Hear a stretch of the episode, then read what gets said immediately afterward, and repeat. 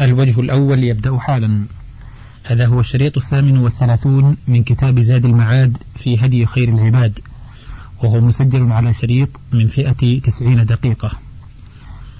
نواصل القراءة في فصل الإشارة إلى ما في غزوة الفتح من الفقه واللطائف.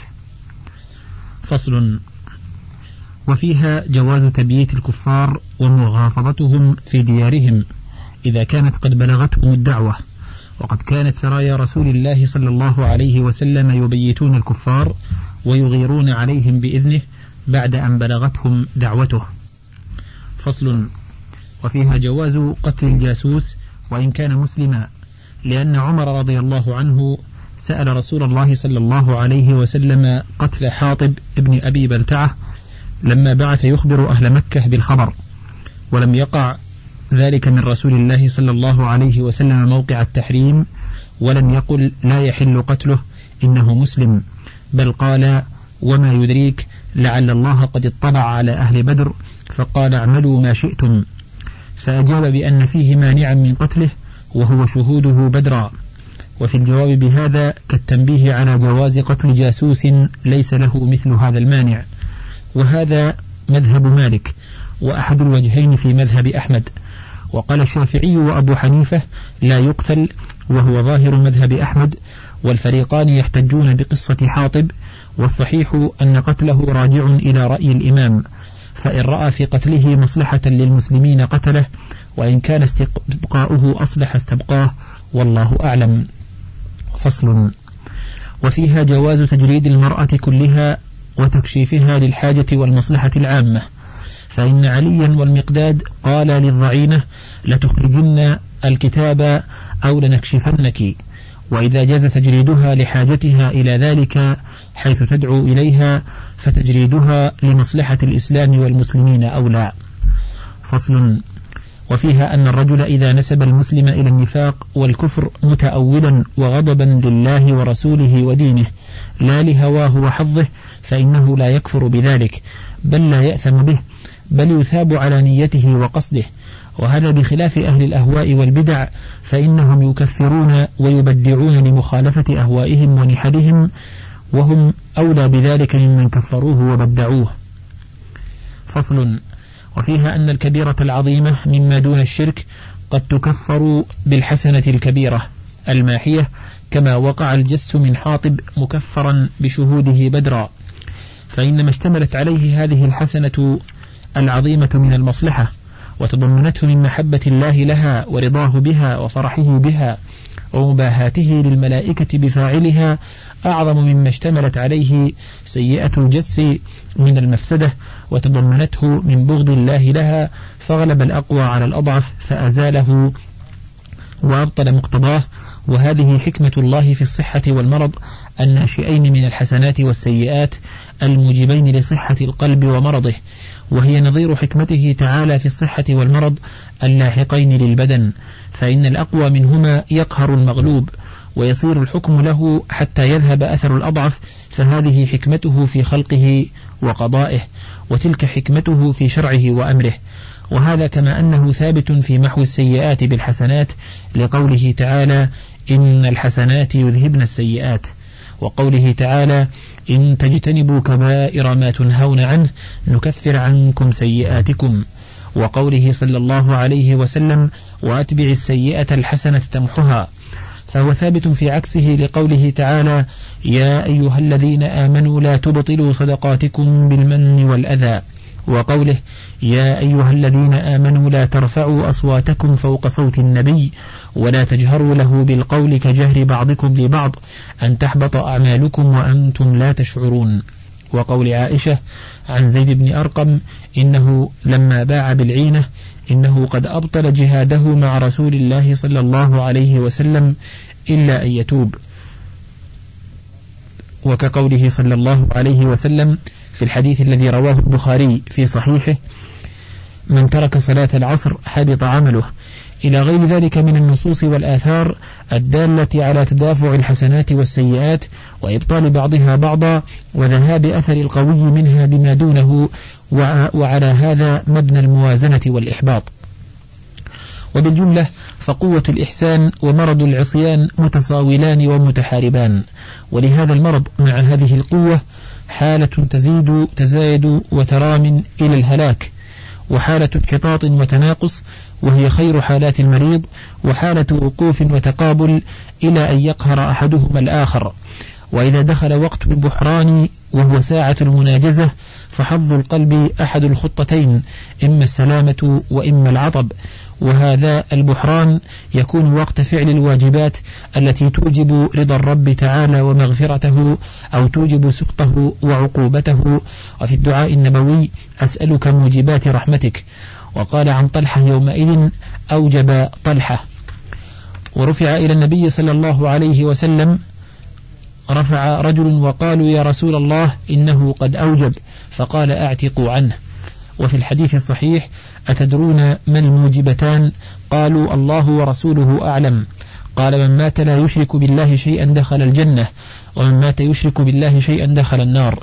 يريد أن التوحيد والشرك رأس الموجبات وأصلها فهما بمنزلة السم القاتل قطعا والترياق المنجي قطعا.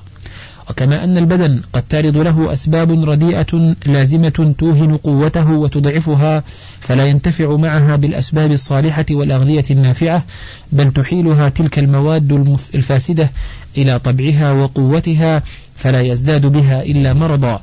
وقد تقوم به مواد صالحة وأسباب موافقة توجب قوته وتمكنه من الصحة وأسبابها فلا تكاد تضره الأسباب الفاسدة بل تحيلها تلك المواد الفاضلة إلى طبعها فهكذا مواد صحة القلب وفساده. فتأمل قوة إيمان حاطب التي حملته على شهود بدر وبذله نفسه مع رسول الله صلى الله عليه وسلم وإيثاره الله ورسوله على قومه وعشيرته وقرابته وهم بين ظهراني العدو وفي بلدهم ولم يثن ذلك عنان عزمه ولا فل من حد إيمانه ومواجهته للقتال لمن أهله وعشيرته وأقاربه عندهم.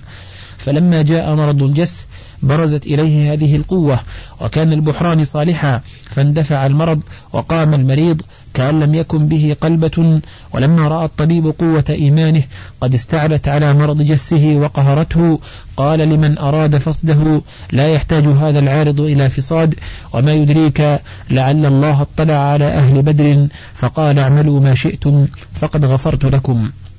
وعكس هذا ذو الخويصرة التميمي وأضرابه من الخوارج الذين بلغ اجتهادهم في الصلاة والصيام والقراءة إلى حد يحقر أحد الصحابة عمله معه كيف قال فيهم لئن أدركتهم لأقتلنهم قتل عاد وقال اقتلوهم فإن في قتلهم أجرا عند الله لمن قتلهم.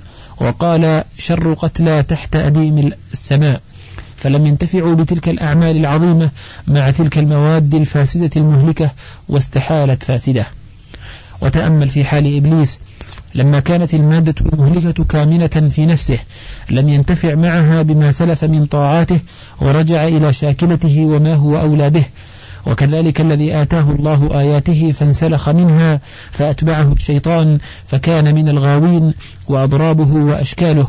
فالمعول على السرائر والمقاصد والنيات والهمم فهي الإكسير الذي يقلب نحاس الأعمال ذهبا أو يردها خبثا وبالله التوفيق.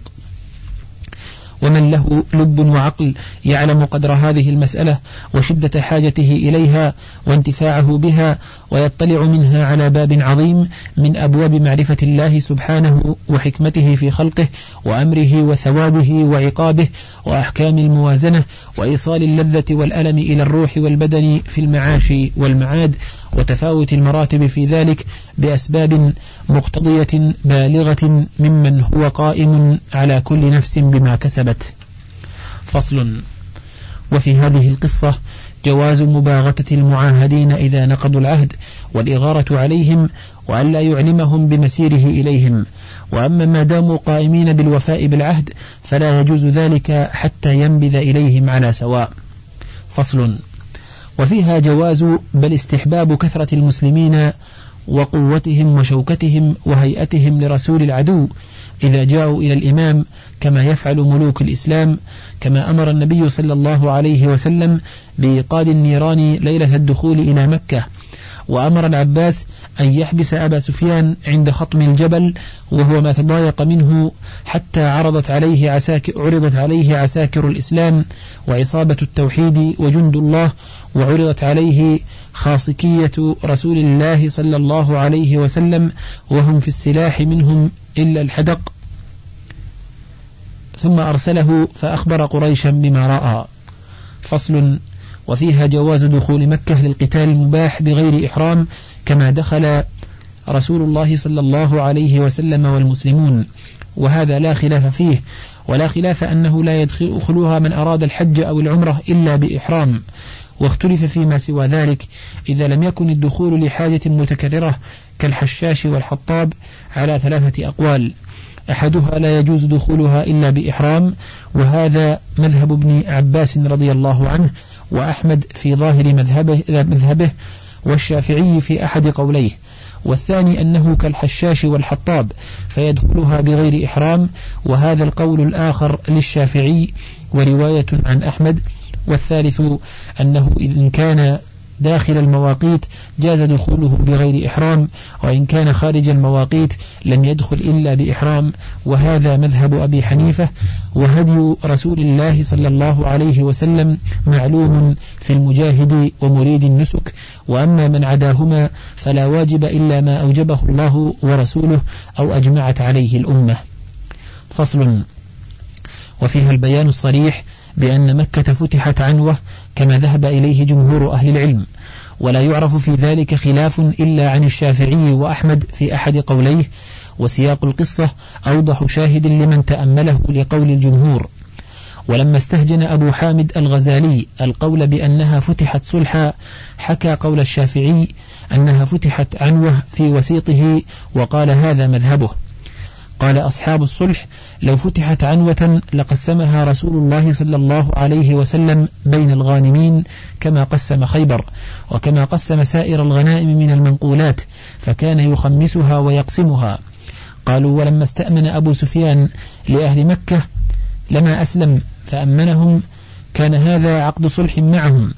قالوا ولو فتحت عنوة لملك الغانمون رباعها ودورها وكانوا أحق بها من أهلها وجاز إخراجهم منها فحيث لم يحكم رسول الله صلى الله عليه وسلم فيها بهذا الحكم بل لم يرد على المهاجرين دورهم التي أخرجوا منها وهي بأيدي الذين أخرجوهم وأقرهم على بيع الدور وشرائها وإجارتها وسكناها والانتفاع بها وهذا مناف لأحكام فتوح العنوة وقد صرح بإضافة الدور إلى أهلها فقال من دخل دار أبي سفيان فهو آمن ومن دخل داره فهو آمن.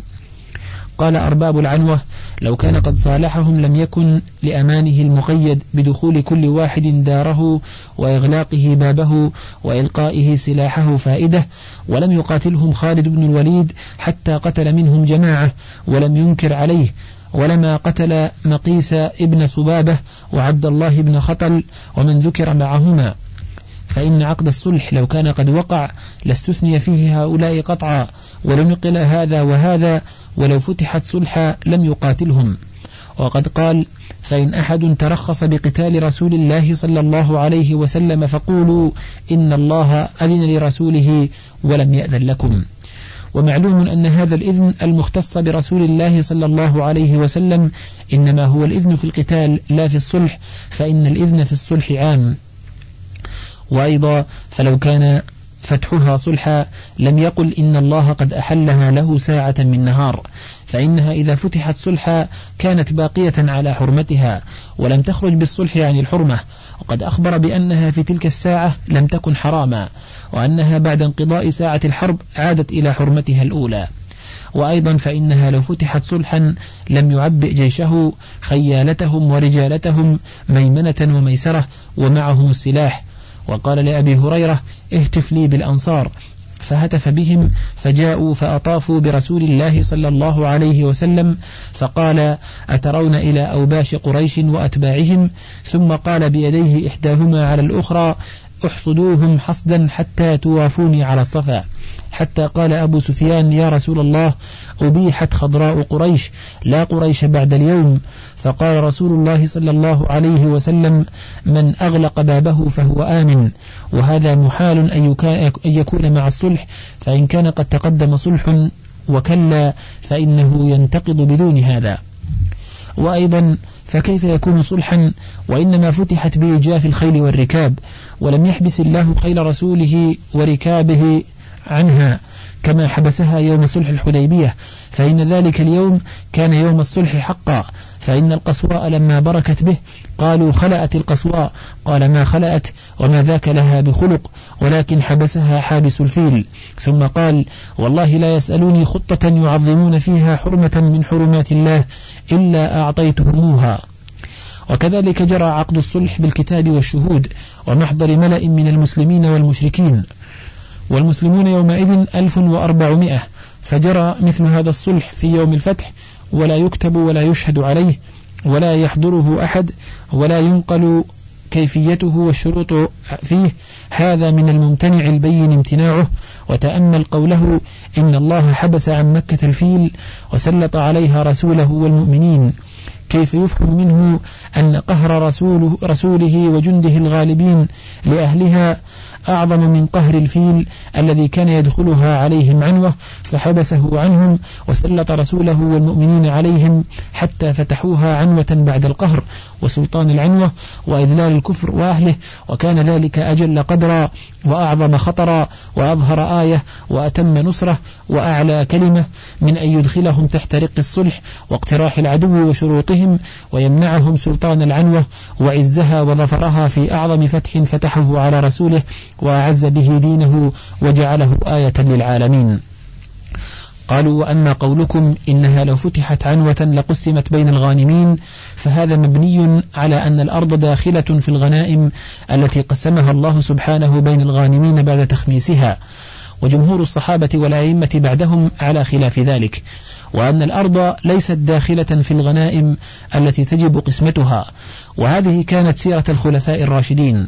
فإن بلالا وأصحابه لما طلبوا من عمر بن الخطاب رضي الله عنه أن يقسم بينهم الأرض التي افتتحوها عنوة وهي الشام وما حولها وقالوا له خذ خمسها واقسمها.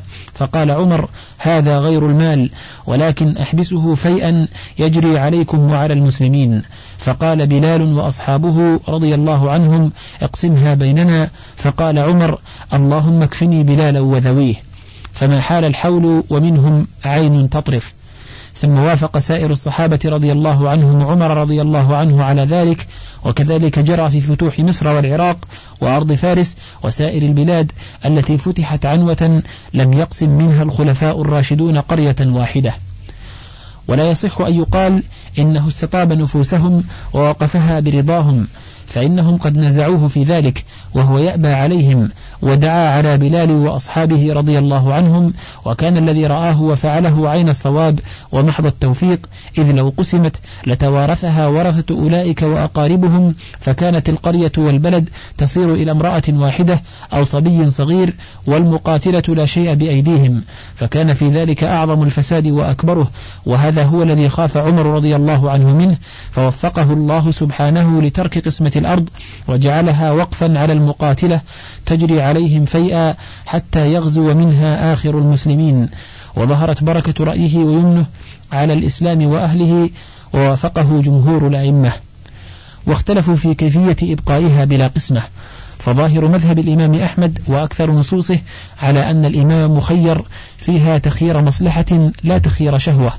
فإن كان الأصلح للمسلمين قسمتها قسمها وإن كان الأصلح أن يقفها على جماعتهم وقفها. وإن كان الأصلح قسمة البعض ووقف البعض فعله. فإن رسول الله صلى الله عليه وسلم فعل الأقسام الثلاثة. فإنه قسم أرض قريضة والنضير وترك قسمة مكة وقسم بعض خيبر وترك بعضها لما ينوبه من مصالح المسلمين. وعن أحمد رواية ثانية أنها تصير وقفا بنفس الظهور والاستيلاء عليها من غير أن ينشئ الإمام وقفها وهي مذهب مالك. وعنه رواية ثالثة أنه يقسمها بين الغانمين كما يقسم بينهم المنقول إلا أن يتركوا حقوقهم منها وهي مذهب الشافعي. وقال أبو حنيفة الإمام مخير بين القسمة وبين أن يقر أربابها فيها بالخراج وبين أن يجليهم عنها وينفذ إليها قوما آخرين يضرب عليهم الخراج. وليس هذا الذي فعل عمر رضي الله عنه بمخالف للقرآن. فإن الأرض ليست داخلة في الغنائم التي أمر الله بتخميسها وقسمتها. ولهذا قال عمر إنها غير المال ويدل عليه أن إباحة الغنائم لم تكن لغير هذه الأمة بل هو من خصائصها كما قال صلى الله عليه وسلم في الحديث المتفق على صحته وأحلت لي الغنائم ولم تحل لأحد قبلي وقد أحل الله سبحانه الأرض التي كانت بأيدي الكفار لمن قبلنا من أتباع الرسل إذا استولوا عليها عنوة كما أحلها لقوم موسى فلهذا قال موسى لقومه يا قوم ادخلوا الأرض المقدسة التي كتب الله لكم ولا ترتدوا على أدباركم فتنقلبوا خاسرين. فموسى وقومه قاتلوا الكفار واستولوا على ديارهم وأموالهم فجمعوا الغنائم ثم نزلت النار من السماء فأكلتها وسكنوا الأرض والديار ولم تحرم عليهم فعلم أنها ليست من الغنائم وأنها لله يورثها من يشاء. فصل. وأما مكة فإن فيها شيئا آخر يمنع من قسمتها ولو وجبت قسمة ما عداها من القرى. وهي أنها لا تملك فإنها دار النسك ومتعبد الخلق وحرم الرب تعالى الذي جعله للناس سواء العاكف فيه والباد فهي وقف من الله على العالمين وهم فيها سواء ومن مناخ من سبق. قال تعالى إن الذين كفروا ويصدون عن سبيل الله والمسجد الحرام الذي جعلناه للناس سواء العاكف فيه والباد ومن يرد فيه بإلحاد بظلم نذقه من عذاب أليم. والمسجد الحرام هنا المراد به الحرم كله كقوله تعالى إنما المشركون نجس فلا يقربوا المسجد الحرام بعد عامهم هذا. فهذا المراد به الحرم كله وقوله سبحانه سبحان الذي أسرى بعبده ليلا من المسجد الحرام إلى المسجد الأقصى. وفي الصحيح أنه أسري به من بيت أم هانئ وقال تعالى ذلك لمن لم يكن أهله حاضر المسجد الحرام. وليس المراد به حضور نفس موضع الصلاة اتفاقا وإنما هو حضور الحرم والقرب منه وسياق آية الحج تدل على ذلك فإنه قال ومن يرد فيه بإلحاد بظلم نذقه من عذاب أليم وهذا لا يختص بمقام الصلاة قطعا بل المراد به الحرم كله فالذي جعله للناس سواء العاكف فيه والباد هو الذي توعد من صد عنه ومن أراد الإلحاد بالظلم فيه. فالحرم ومشاعره كالصفا والمروة والمسعى ومنى وعرفة ومزدلفة لا يختص بها أحد دون أحد بل هي مشتركة بين الناس إذ هي محل نسكهم ومتعبدهم فهي مسجد من الله وقفه ووضعه لخلقه ولهذا امتنع النبي صلى الله عليه وسلم أن يبنى له بيت بمنى يظله من الحر وقال منى مناخ من سبق. ولهذا ذهب جمهور الأئمة من السلف والخلف إلى أنه لا يجوز بيع أراضي مكة ولا إجارة بيوتها. هذا مذهب مجاهد وعطاء في أهل مكة ومالك في أهل المدينة وأبي حنيفة في أهل العراق وسفيان الثوري والإمام أحمد بن حنبل وإسحاق بن راهويه. وروى الإمام أحمد رحمه الله عن علقمة ابن نضلة قال كانت رباع مكة تدعى السوائب على عهد رسول الله صلى الله عليه وسلم وأبي بكر وعمر من احتج سكن ومن استغنى أسكن. وروى أيضا عن عبد الله بن عمر من أكل أجور بيوت مكة فإنما يأكل في بطنه نار جهنم. رواه الدار قطني مرفوعا إلى النبي صلى الله عليه وسلم. وفيه إن الله حرم مكة فحرام بيع رباعها وأكل ثمنها.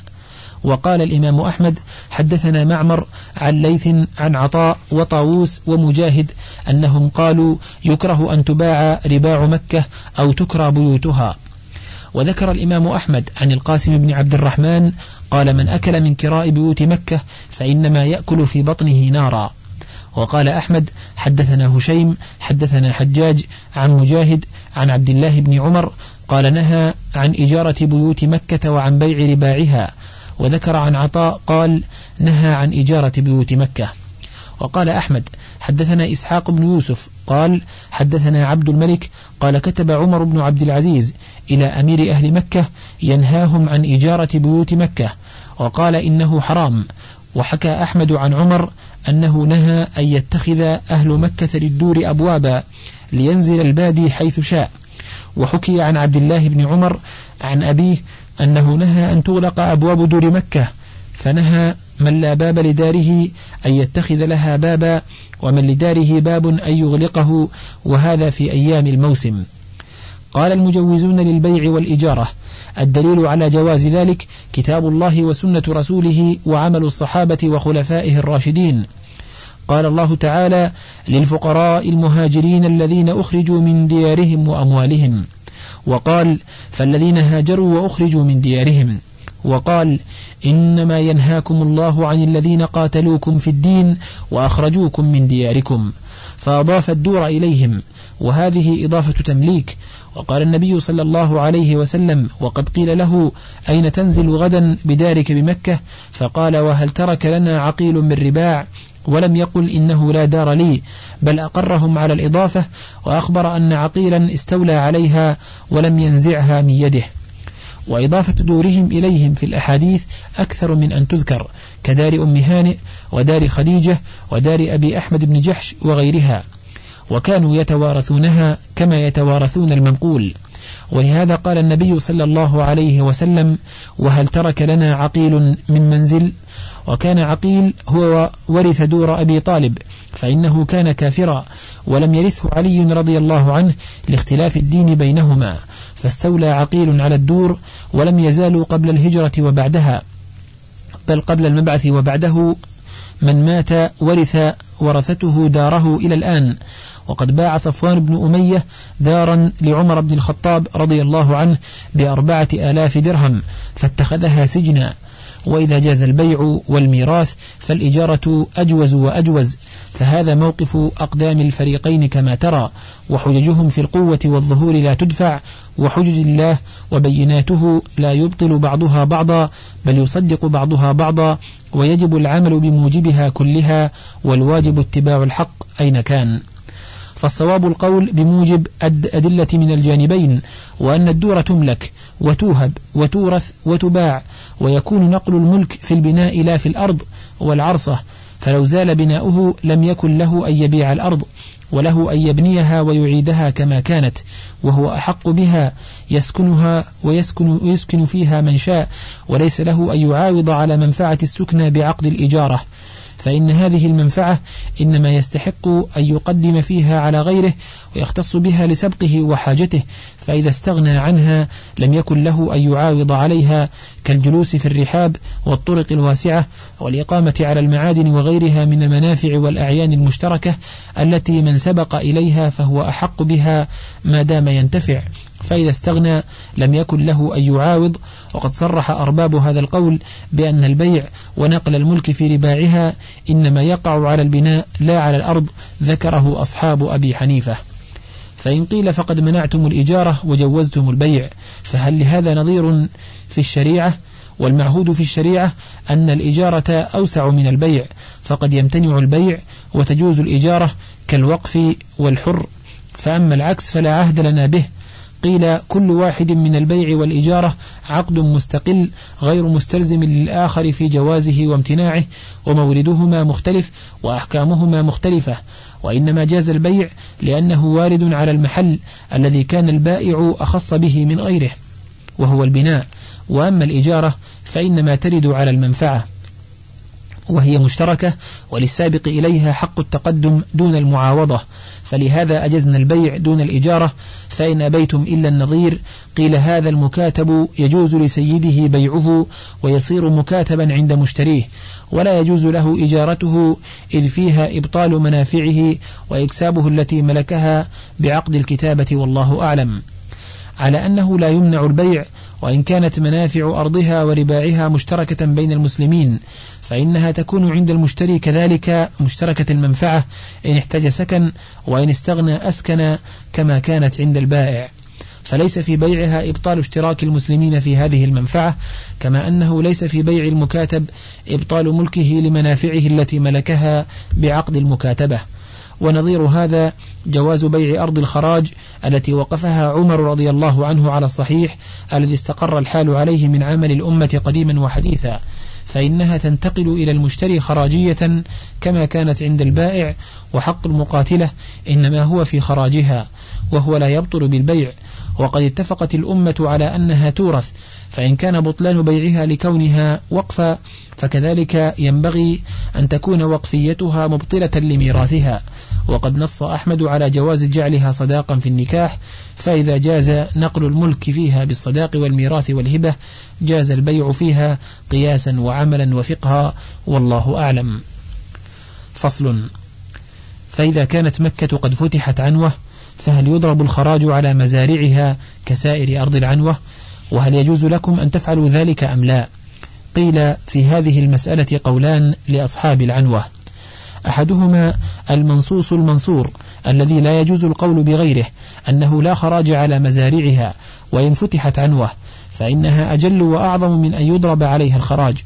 لا سيما والخراج هو جزية الأرض وهو على الأرض كالجزية على الرؤوس. وحرم الرب أجل قدرا وأكبر من أن تضرب عليه جزية. ومكة بفتحها عادت إلى ما وضعها الله عليه من كونها حرما آمنا يشترك فيه أهل الإسلام إذ هو موضع مناسكهم ومتعبدهم وقبلة أهل الأرض. والثاني وهو قول بعض أصحاب أحمد أن على مزارعها الخراج كما هو على مزارع غيرها من أرض العنوة وهذا فاسد مخالف لنص أحمد رحمه الله ومذهبه. ولفعل رسول الله صلى الله عليه وسلم وخلفائه الراشدين من بعده رضي الله عنهم فلا التفات إليه والله أعلم. وقد بنى بعض الأصحاب تحريم بيع رباع مكة على كونها فتحت عنوة وهذا بناء غير صحيح فإن مساكن أرض العنوة تباع قولا واحدا فظهر بطلان هذا البناء والله أعلم. وفيها تعيين قتل الساب لرسول الله صلى الله عليه وسلم. وأن قتله حد لا بد من استيفائه فإن النبي صلى الله عليه وسلم لم يؤمن مقيس بن صبابة وابن خطل والجاريتين اللتين كانتا تغنيان بهجائه مع أن نساء أهل الحرب لا يقتلن كما لا تقتل الذرية. وقد أمر بقتل هاتين الجاريتين وأهدر دم أم الولد لما قتلها سيدها لأجل سبها النبي صلى الله عليه وسلم. وقتل كعب بن الأشرف اليهودي وقال من لكعب فإنه قد آذى الله ورسوله. وكان يسبه وهذا إجماع من الخلفاء الراشدين. ولا يعلم لهم في الصحابة مخالف. فإن الصديق رضي الله عنه قال لأبي برزة الأسلمي وقد هم بقتل من سبه لم يكن هذا لأحد غير رسول الله صلى الله عليه وسلم. ومر عمر رضي الله عنه براهب فقيل له هذا يسب رسول الله صلى الله عليه وسلم. فقال لو سمعته لقتلته. إنا لم نعطهم الذمة على أن يسبوا نبينا صلى الله عليه وسلم. ولا ريب أن المحاربة بسب نبينا أعظم أذية ونكاية لنا من المحاربة باليد ومنع دينار جزية في السنة. فكيف ينقض عهده ويقتل بذلك دون السب؟ وأي نسبة لمفسدة منعه دينارا في السنة إلى مفسدة منع مجاهرته بسب نبينا أقبح سب على رؤوس الأشهاد. بل لا نسبة لمفسدة محاربته باليد إلى مفسدة محاربته بالسب فأولى من تقب به عهده وأمانه سب رسول الله صلى الله عليه وسلم. ولا ينتقض عهده بشيء أعظم منه إلا سبه الخالق سبحانه وتعالى. فهذا محض القياس ومقتضى النصوص وإجماع الخلفاء الراشدين رضي الله عنهم وعلى هذه المسألة أكثر من أربعين دليلا. فإن قيل فالنبي صلى الله عليه وسلم لم يقتل عبد الله بن أبي وقد قال لئن رجعنا إلى المدينة ليخرجن الأعز منها الأذل ولم يقتل ذا الخويصرة التميمي وقد قال له اعدل فإنك لم تعدل. ولم يقتل, يقتل من قال له يقولون إنك تنهى عن الغي وتستخلي به. ولم يقتل القائل له إن هذه القسمة ما أريد بها وجه الله. ولم يقتل من قال له لما حكم للزبير بتقديمه في السقي أن كان ابن عمتك وغير هؤلاء ممن كان يبلغه عنهم أذى له وتنقص. قيل الحق كان له فله أن يستوفيه وله أن يسقطه وليس لمن بعده أن يسقط حقه. كما أن الرب تعالى له أن يستوفي حقه وله أن يسقط وليس لأحد أن يسقط حقه تعالى بعد وجوبه. كيف وقد كان في ترك قتل من ذكرتم وغيرهم مصالح عظيمة في حياته زالت بعد موته من تأليف الناس وعدم تنفيرهم عنه. فإنه لو بلغهم أنه يقتل أصحابه لنفروا. وقد أشار إلى هذا بعينه وقال لعمر لما أشار عليه بقتل عبد الله بن أبي لا يبلغ الناس أن محمدا يقتل أصحابه. ولا ريب أن مصلحة هذا التأليف وجمع القلوب عليه كانت أعظم عنده وأحب إليه من المصلحة الحاصلة بقتل من سبه وآذاه. ولهذا لما ظهرت مصلحة القتل وترجحت جدا قتل الساب كما فعل بكعب بن الأشرف فإنه جاهر بالعداوة والسب فكان قتله أرجح من إبقائه. وكذلك قتل ابن خطل ومقيس والجاريتين وأم ولد الأعمى فقتل للمصلحة الراجحة وكف للمصلحة الراجحة فإذا صار, الأمر إلى نوابه وخلفائه لم يكن لهم أن يسقطوا حقه. فصل فيما في خطبته العظيمة ثاني يوم الفتح من أنواع العلم. فمنها قوله إن مكة حرمها الله ولم يحرمها الناس. فهذا تحريم شرعي قدري سبق به قدره يوم خلق هذا العالم. ثم ظهر به على لسان خليله إبراهيم ومحمد صلوات الله, صلوات الله وسلامه عليهما كما في الصحيح عنه أنه صلى الله عليه وسلم قال اللهم إن إبراهيم خليلك حرم مكة وإني أحرم المدينة. فهذا إخبار عن ظهور التحريم السابق يوم خلق السماوات والأرض على لسان إبراهيم. ولهذا لم ينازع أحد من أهل الإسلام في تحريمها وإن تنازعوا في تحريم المدينة. والصواب المقطوع به تحريمها. إذ قد صح فيه بضعة وعشرون حديثا عن رسول الله صلى الله عليه وسلم لا مطعن فيها بوجه. ومنها قوله فلا يحل لأحد أن يسفك بها دما هذا التحريم لسفك الدم المختص بها وهو الذي يباح في غيرها ويحرم يحرم فيها لكونها حرما. كما أن تحريم عض الشجر بها واختلاء خلائها والتقاط لقطتها هو أمر مختص بها وهو مباح في غيرها إذ الجميع في كلام واحد ونظام واحد وإلا بطلت فائدة التخصيص وهذا أنواع. أحدها وهو الذي ساقه أبو شريح العدوي لأجله أن الطائفة الممتنعة بها من مبايعة الإمام لا تقاتل لا سيما إن كان لها تأويل كما امتنع أهل مكة من مبايعة يزيد وبايعوا ابن الزبير فلم يكن قتالهم ونصب المنجنيق عليهم وإحلال حرم الله جائزا بالنص والإجماع. وإنما خالف في ذلك عمرو بن سعيد الفاسق وشيعته وعارض نص رسول الله صلى الله عليه وسلم برأيه وهواه. فقال إن الحرم لا يعيد عاصيا. فيقال له هو لا يعيد عاصيا من عذاب الله. ولو لم يعذه من سفك دمه لم يكن حرما بالنسبة إلى الآدميين وكان حرما بالنسبة إلى الطير والحيوان البهيم وهو لم يزل يعيد العصاة من عهد إبراهيم صلوات الله عليه وسلامه. وقام الإسلام على ذلك وإنما لم يعذ مقيس بن صبابة وابن خطل ومن سمي معهما لأنه في تلك الساعة لم يكن حرما بل حلا. فلما انقضت ساعة الحرب عاد إلى ما وضع عليه يوم خلق الله السماوات والأرض. وكانت العرب في جاهليتها يرى الرجل قاتل أبيه أو ابنه في الحرم فلا يهيجه.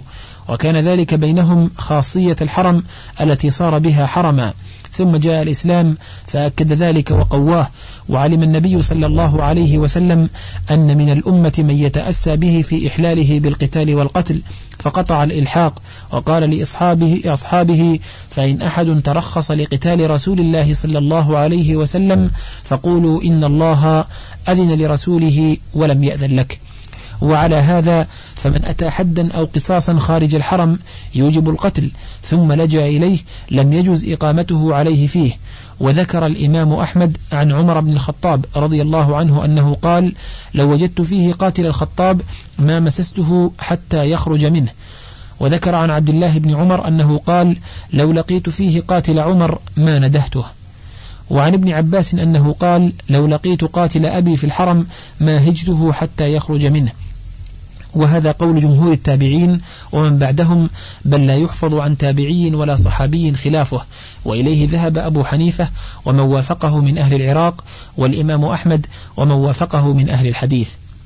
وذهب مالك والشافعي إلى أنه يستوفى منه في الحرم كما يستوفى منه في الحل وهو اختيار ابن المنذر واحتج لهذا القول بعموم النصوص الدالة على استيفاء الحدود والقصاص في كل مكان وزمان وبأن النبي صلى الله عليه وسلم قتل ابن خطل وهو متعلق بأستار الكعبة. وبما يروى عن النبي صلى الله عليه وسلم أنه قال إن الحرم لا يعيد عاصيا ولا فارا بدم ولا بخربة. وبأنه لو كانت الحدود والقصاص فيما دون النفس لم يعذه الحرم ولم يمنعه من إقامته عليه وبأنه لو أتى فيه بما يوجب حدا أو قصاصا لم يعذه الحرم ولم يمنع من إقامته عليه فكذلك إذا أتاه خارجه ثم لجأ إليه إذ كونه حرما بالنسبة إلى عصمته لا يختلف بين الأمرين وبأنه حيوان أبيح قتله لفساده فلم يفترق الحال بين قتله لاجئا إلى الحرم وبين كونه قد أوجب ما أبيح قتله فيه كالحية والحدأة والكلب العقور. ولأن النبي صلى الله عليه وسلم قال خمس فواسق يقتلن في الحل والحرم فنبه بقتلهن في الحل والحرم على العلة وهي فسقهن ولم يجعل التجاءهن إلى الحرم مانعا من قتلهن. وكذلك فاسق بني آدم الذي قد استوجب القتل. قال الأولون ليس في هذا ما يعارض ما ذكرنا من الأدلة ولا سيما قوله تعالى ومن دخله كان آمنا وهذا إما خبر بمعنى الأمر لاستحالة الخلف في خبره تعالى وإما خبر عن شرعه ودينه الذي شرعه في حرمه وإما إخبار عن الأمر المعهود المستمر في حرمه في الجاهلية والإسلام. كما قال تعالى أولم يروا أن جعلنا حرما آمنا ويتخطف الناس من حولهم وقوله تعالى وقالوا إن نتبع الهدى معك نتخطف من أرضنا أولم نمكن لهم حرما آمنا يجبى إليه ثمرات كل شيء. وما عدا هذا من الأقوال الباطلة فلا يلتفت إليه كقول بعضهم ومن دخله كان آمنا من النار وقول بعضهم كان آمنا من الموت على غير الإسلام ونحو ذلك فكم ممن دخله وهو في قعر الجحيم. وأما العمومات الدالة على استيفاء الحدود والقصاص في كل زمان ومكان فيقال أولا لا تعرض في تلك العمومات لزمان الاستيفاء ولا مكانه كما لا تعرض فيه لشروطه وعدم موانعه فإن اللفظ لا يدل عليها بوضعه ولا بتضمنه فهو مطلق بالنسبة إليها ولهذا إذا كان للحكم شرط أو مانع لم يقل إن توقف الحكم عليه تخصيص لذلك العام فلا يقول محصل إن قوله تعالى وأحل لكم ما وراء ذلك مخصوص بالمنكوحة في عدتها أو بغير إذن وليها أو بغير شهود فهكذا النصوص العامة في استيفاء الحدود والقصاص لا تعرض فيها لزمنه ولا مكانه ولا شرطه ولا مانعه ولو قدر تناول اللفظ لذلك لوجب تخصيصه بالأدلة الدالة على المنع لئلا يبطل موجبها ووجب حمل اللفظ العام على ما عداه كسائر نظائره. وإذا خصصتم تلك العمومات بالحامل والمرضع والمريض الذي يرجى برؤه والحال المحرمة للاستيفاء كشدة المرض أو البرد أو الحر فما المانع من تخصيصها بهذه الأدلة؟ وإن قلتم ليس ذلك تخصيصا بل تقييدا لمطلقها كلنا لكم بهذا الصاع سواء بسواء.